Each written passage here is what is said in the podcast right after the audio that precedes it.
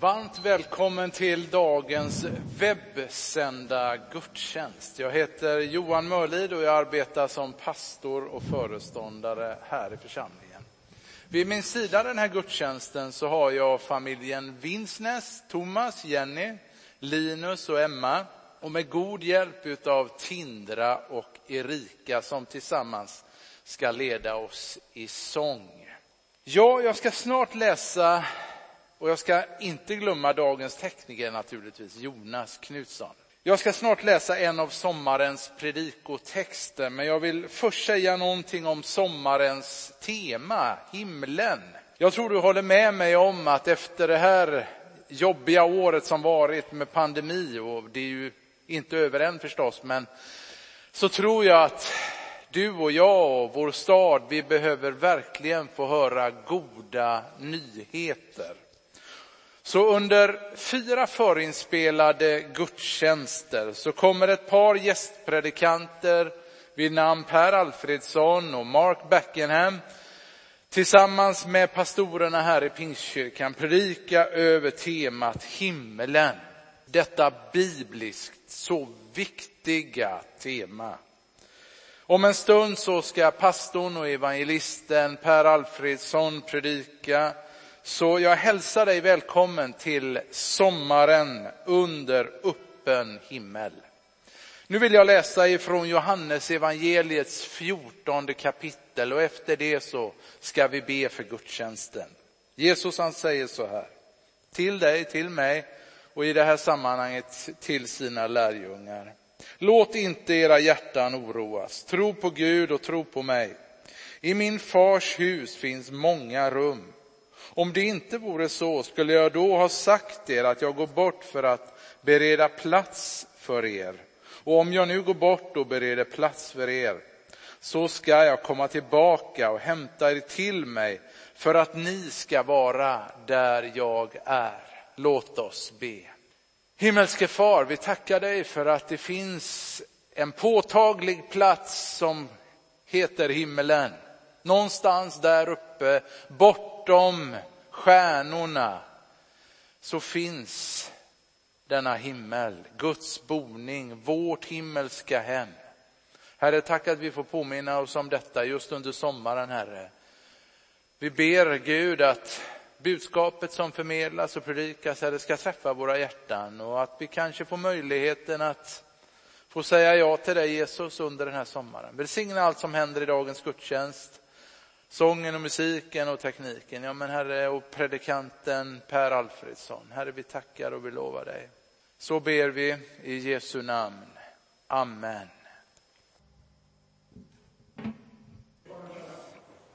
Då vill jag säga ett stort tack till Mölndals pingstförsamling för förmånen att få komma hit och få dela Guds ord den här söndagen. Det är en stor glädje att få vara här hos er och träffa några av er, som jag nu gör just nu. Eh, jag heter Per Alfredsson och är evangelist, men också jobbar som nationell chef i Equmeniakyrkan. Det är mitt uppdrag nu, där jag jobbar väldigt mycket med att få fart på tillväxt. Det är mitt uppdrag att få kyrkan att nå ut till människor. Och det tänker jag också tala om idag. Denna fantastiska gåva som kristen tro är att få bära evigheten i våra liv redan här och nu, detta jordeliv. Det är väldigt betydelsefullt att få äga den tro som bär genom allt. Och det vill jag predika över. Och innan vi läser ett Guds ord här i början, så låt oss be tillsammans. Herre, jag tackar dig för ditt ord, som är ett levande och verksamt ord och som är till nytta för oss för att vi ska bli frälsta, Herre.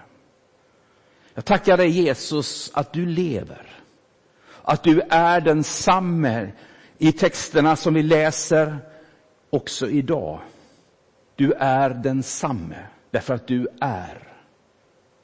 Och nu ber jag Herre att vi skulle få vara i ditt kraftfält. Vi läser i ditt ord att ditt rike är inte bara ord utan kraft. Kraft till frälsning, kraft till upprättelse, kraft till försoning och läkedom, kraft för att lyfta upp oss i hjulspår som är destruktiva. Tack Jesus att vi har att göra med den goda kraften när vi är med dig Jesus. Du som älskar oss och vill oss gott. I Jesu namn. Amen. Ett av de vackraste uttrycken för att förklara vad det innebär att vara en kristen, det hämtar jag från Jesus själv och det är i en dialog i Johannes kapitel 3 när han möter Nikodemus. Då säger Jesus så här. Sannerligen, jag säger dig, den som inte blir född på nytt kan inte se Guds rike. Nikodemus svarade, hur kan någon födas när han är gammal? Han kan väl inte komma in i moderlivet och födas en gång till? Varpå Jesus svarade, sannerligen jag säger dig, den som inte blir född av vatten och ande kan inte komma in i Guds rike. Det som är fötts av kött är kött och det som fötts av ande är ande. Var inte förvånad över att jag sa att ni måste födas på nytt. Att vara född på nytt. Det är något, en erfarenhet, något som sker med den människan som tror på Jesus och som vill ha med honom att göra.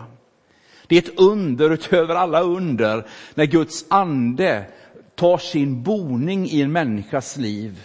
Det alltså handlar inte om att ha rätt åsikter. Det handlar om inte att gå till rätt hus. Det handlar inte om att göra en massa saker efter givna mönster, utan det handlar om detta, att öppna upp sitt liv för den Gud som lever. Och som säger till dig och mig, ni ska leva, därför att jag lever, därför ska också ni leva. Och detta livet som börjar där i tron gör anspråk på att följa oss in i evigheten och bär dig och mig in i himlen. Dit som jag tror att vi alla människor väntar och förstår att det är något som väntar när vårt jordeliv är över. Ingela Agard, en känd tv-profil, hon sa så här vid ett tillfälle, hon som drabbades av svår sjukdom och dog alldeles för ung. Hon sa, det är inte den som lever längst som vinner. Jag gillar det uttrycket. Därför att det beskriver någonting som är långt mer än det korta perspektiv som du och jag som människa har här på jorden. Det finns en fortsättning. Och att vinna evigheten, det är ett erbjudande som alla människor har från livets Gud. Korsets drama handlar om det, hur Jesus öppnade vägen in i Guds rike. Och vägen dit just går genom tron på honom och på nyttfödelsen. Jag tänker idag predika utifrån Markus kapitel 4, 35. Och det här är ett sammanhang där du kanske undrar varför fortsätta där med den inledningen. Men du kommer att förstå varför just på nyttfödelsen är väsentlig i den här texten. Och det vi alldeles strax ska läsa det är en ögonvittnesskildring beskriven av människor som var med. Och det är gott att få berätta berättelser, inte bara om vad alla andra har varit med om, utan det här har jag fått uppleva. Det här har varit min resa med Jesus. Själv hade jag en sådan upplevelse när jag var 17 och ett halvt år som förvandlade mitt liv, när Gud mötte mig med kraft. Där jag förstår att Jesus är på riktigt. En gudsnärvaro som totalt förändrar mitt liv i 180 grader. Ja, det var min väg. Din väg kan se annorlunda ut. Men din och min berättelse är väsentlig. Och att få dela din berättelse vidare till andra människor kan vara livsavgörande för dem som lyssnar. Det finns något mer än det du kan se här i världen.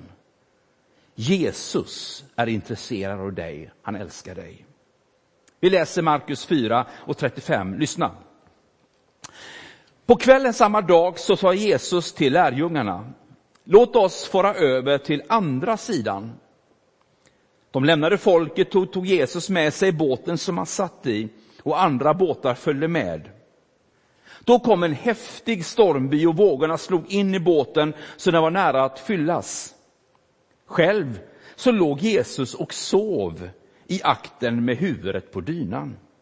De väckte honom och sa, Mästare, bryr du dig inte om att vi går under? Han vaknade och hutade åt vinden och sa till sjön, Tig, Håll tyst, sa han. Och vinden la sig och det blev alldeles lugnt. Och han sa till dem, varför är ni rädda? Har ni ännu ingen tro? De greps av stor fruktan och sa till varandra, vem är han? Till och med vinden och sjön lyder honom.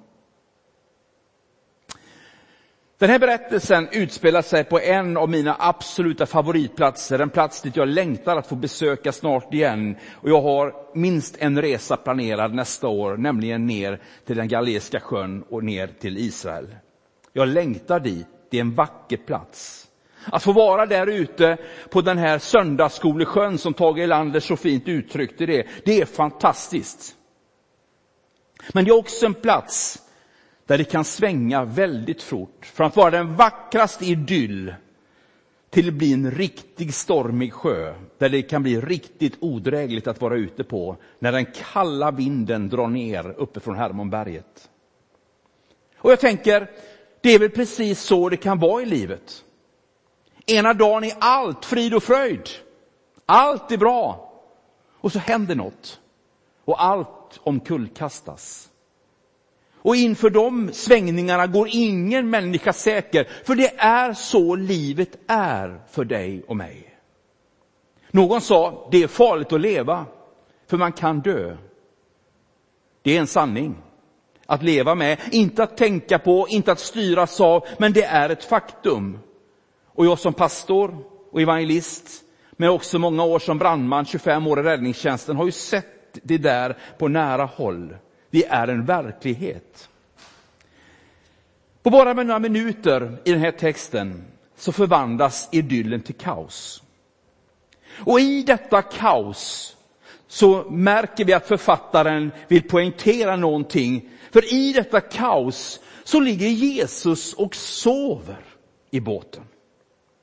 Det är lite provocerande när man läser om just detta. Bakgrunden är ju att de hade varit på västra sidan av Galileiska sjön och var nu på väg över till den östra sidan av Galileiska sjön. Och där på den sidan vet man i följande text finns det en människa som är svårt ansatt, lider allra fruktansvärt och är i starkt behov av hjälp och stöd på alla plan. Man anar att lärjungarna inte riktigt är varse om var de är på väg. Men det är en blåljusresa. Det är egentligen med sirener man är på väg över för att rädda en nödställd. Fast det berättar ju inte Jesus där och då för lärjungarna. Men mitt i denna utryckning så ligger Jesus och sover. Kanske du har varit med och upplevt det någon gång när du är i den djupaste nöd och undrar, Gud, var är du någonstans? Varför svarar du inte på mina böner? Vart tar du vägen när jag behöver dig som mest? Och nu har vi det svart på vitt. Jesus tar det väldigt lugnt. Men lyssna, han är med i stormen. Och i texten förstår vi att han har kontroll över stormen. Jesus måste ha varit trött, det förstår vi. Och vi läser i evangelien att han har haft fyra långa predikningar innan den här resan. Och ska man lyssna på en känd evangelist som nu är hemma hos Herren, Billy Graham, så sa han så här, att ha en predikan, det är som att springa ett maratonlopp. Och skulle det vara så, så hade Jesus fyra maratonlopp i benen. Och jag förstår att han är trött. För det är tröttande att vara utgivande. Jesus var också 100% människa. Så friden och glädjen på denna vackra tur, denna idyll som lärjungarna såg fram emot. Tänk att få åka på denna vackra sjö med Jesus. kom att bli en kamp på liv och död. De var fiskare. De kände till sjön. De visste hur man skulle agera mot vågorna, mot vinden. Men den här gången räckte inte deras förmågor till. Och fruktan kom över dem alla. Och man började ropa på hjälp. Och så kommer lärjungarna till den där punkten som kanske du har varit. Och har du inte det så kommer du nog med sannolikhet att komma dit. Bort för all mänsklig hjälp och förmåga. Förtvivlan kommer. Och man kan ibland också bli anklagande i de svåra stunderna. Och så säger också lärjungarna till Jesus, Mästare, bryr du dig inte om att vi går under? Vi känner igen uttrycken också från när Jesu nära vän Lazarus vid ett tillfälle, vi läser i evangelierna, när han dog. Och hans systrar är kvar och Jesus kommer efter Lazarus har dött. Så säger systrarna till Jesus, Mästare, om du hade varit här så la man skulden på Jesus. Om du hade varit här, bryr du dig inte om att vi går under? Som att vi måste ha någon att skylla på. Det verkar vara ett mänskligt drag. För var tar vi vägen när all mänsklig förmåga och resurser tar slut? Vem vänder du dig till då? Kanske gör du så som lärjungarna gjorde. Du vänder dig till honom som tål de uttrycken, men som också har förmåga att vända på saker och ting. Och lyssna, att när lärjungarna ger upp, när lärjungarna kommer till en punkt, det funkar inte längre, det är kört, då vaknar Jesus. När lärjungarna ger upp, då tar Jesus vid. Kanske det är en delpoäng i berättelsen. Att när vi inte fixar mer, inte orkar mer, då finns det en som tar vid. Att när vårt jordeliv en gång är slut och vi inte kan för egen kraft förmå vårt hjärta att slå längre, då finns det något som väntar, något som tar vid. Kanske vi ibland behöver nå det där bottenläget för att förstå att öppna upp för himmelens goda krafter. Och vi läser Jesus vaknade och hutade åt vinden och sa till sjön, tig, håll tyst. Och vinden la sig och det blev alldeles lugnt. Det finns ett nyckelord i just den versen och det är ordet hut. Han hutade åt vinden och det här ordet betyder på grundtexten tillrättavisa skarpt, strängt. Och Jesus talar alltså till vinden så som han talar till upproriska och olydiga tjänare. Och Det här är intressant för att det verkar vara något som finns i vår omgivning som strider mot Guds vilja. Vi läser i Bibeln att när Gud skapade vår värld så var allting gott. Men vi kan också läsa hur frestaren lurade in sig i skapelsen med det stora upproret som följd och avfallet kom in och klyftan mellan människa och Gud blev ett faktum. Sen den dagen, sen den stunden, sen den tiden så sker inte allt så som Gud önskar och vill. Och här pågår det en kamp mellan gott och mellan ont. Och mitt i den kampen finns Jesus på din och min sida. Kampen är på ett sätt avgjord. Och jag vet inte hur historiebevandrad du är och du kanske har hört den här bilden till leda också många gånger. Men du vet ju andra världskriget dagen D när de allierade gick in i Normandie. Då visste man, får man fäste där så är det bara en tidsfråga tills andra världskriget är över.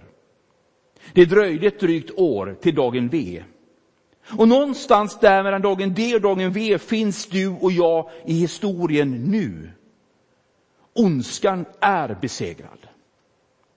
Jesus bröt makten, den ondes makt på korset genom att uppstå ifrån de döda. Och nu väntar skapelsen på nya himlar och en ny jord.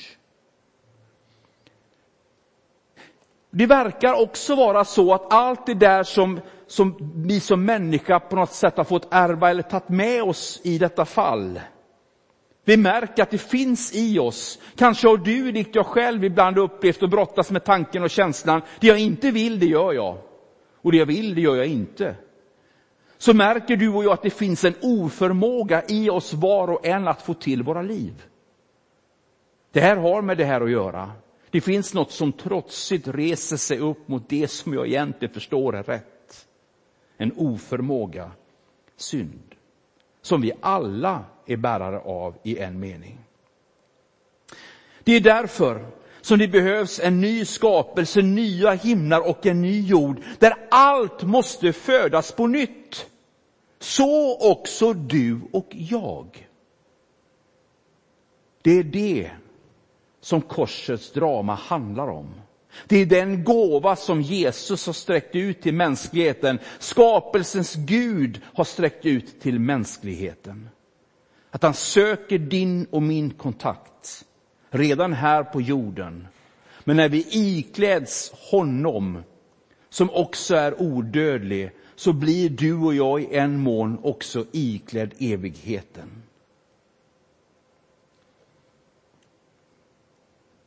Vem är han? frågade lärjungarna i båten. Där till och med vinden och sjön lyder honom. Ja, i det här sammanhanget så visar han verkligen att han har makt. Han visar lite grann av allt det han har, den Gud som är skaparen. Men vem är han? Och svaret på den frågan, det kan man läsa i Apostlagärningarna 4.12, att det är inget annat namn under himlen som kan frälsa oss. Ingen annan, inget annat som kan rädda dig och mig. Som kan skapa den tryggheten här inne med de löftena som påföljd att ingenting kan skilja mig ifrån Guds kärlek någonsin. Den bär in i evigheten. Det är en trygghet att bära som kristen, där pånyttfödelsen är den största och viktigaste och rikaste erfarenheten som du som människa kan få vara med om. En tro på Gud. Det är det det handlar om. Den här texten Bakgrunden var ju som jag nämnde, det var en person på andra sidan sjön som skulle vinnas. Och jag tänker, en enda persons räddning utsatte hela lärjungaskaran för fruktan, för deras liv, för kampen. Och det är precis så som Gud fungerar. Varje människa är viktig. Ibland kan jag tänka, är det någon idé? Varför gör vi som vi gör? Det kanske bara är någon enda människa som kommer till tro eller som vill ha med Jesus att göra efter allt det som vi gör och lägger ner tid och engagemang i våra kyrkor. Men varje människa är så betydelsefull. Jesus säger aldrig att en enda människa, det är inget värt. Det måste vara många, annars gör vi inget. Så är det inte. Varje människa är så värdefull. Och en människa som blir vunnen för himmelriket och hela himlen jublar, läser vi i Guds ord. Och när jag var styrkeledare i räddningstjänsten som jag jobbade i 18 år, och jag ledde, ledde insatser, så kunde vi aldrig säga det. När larmet gick så var det inte intressant om det var en person som var fastklämd i en bil eller om det var fem personer. Vi åkte med all kraft vi hade från räddningstjänsten för att göra en räddande insats. Vi kan aldrig värdera en människa på det sättet, eller flera människor. Varje människa är viktig. Och jag önskar och hoppas att du landar i den insikten när du lyssnar på dagens predikan att du är så värdefull. Där du är. Jesus ser dig, han älskar dig, han vill gripa in och han kan också huta åt de stormar som plågar ditt liv och skapar fruktan runt dig. Om jag nu skulle summera den här predikan så vill jag göra det i några korta punkter innan jag ska be en avslutande bön. Hela det här dramat handlar om, det utspelar sig i Guds vilja. Det innebär att livet är komplext. Livet är inte en enkel resa för den som tror på Jesus. Livet är verkligen snabba kast från glädje till sorg. Så är det för oss alla. Och mitt när det är som värst så kan man uppleva sig ensam. Och vi har ju faktiskt texten, Jesus sov när allt var som värst. Men han är med. Och det är en viktig förståelse. Och mitt i detta så blir det en häftig storm där lärjungarna fruktar för sitt liv och deras egen förmåga tar slut, då tar Jesus vid. De väcker honom. Och han visar att han har full koll. Det innebär ju inte att allt blir så som du och jag har tänkt att det ska vara, att allt löser sig efter hur vi tänker, men i ett evigt perspektiv så har livets Gud full koll. Det är ett löfte att lita på och det bär in i evighet. Han hutar åt vinden och allt lägger sig. För när vår förmåga tar slut, då tar Jesus vid. Och det är så för oss alla. Någon gång längs denna väg, väg som du och jag vandrar här på jorden, så kommer vi till de punkterna. Att det tar, det tar slut. Men lyssna, då tar Jesus vid. För när du ikläder dig på nyttfödelsen, Kristus, så ikläder du dig också evighetens mantel och blir den evighetsvarelse som du är ämnad att vara. Ett gammalt ord, antropos, som betyder människa, har också den betydelsen. Det betyder inte inåtvänd, inte utåtvänd, utan det betyder att vara uppåtvänd. Du och jag som människa är i vår konstruktion gjorda att vara uppåtvända. Att fästa vår blick vid Jesus Kristus. Att söka hjälpen där hjälpen finns. Att söka stöd, tröst, glädje, allt där det finns. För han är där, alltid bara en enda bön bort, så är han vid din sida och längtar efter dig. Låt mig få avsluta den här predikan med att be en kort bön för dig och mig. Jesus, jag tackar dig Herre för att du är evighetens konung. Jag tackar Herre för löftena om Herre, nya himlar och en ny jord. Herre, jag tackar dig för att mitt i den tid vi lever, där alla larm som, alla klockor som ringer, allting som kan skapa fruktan, med rätt, så kan vi också erfara lugn och trygghet i din närvaro. Därför att du är mer än tid och rum. Du är evighetens konung som har lovat att var och en som tror på dig ska inte gå under utan ha evigt liv. Amen.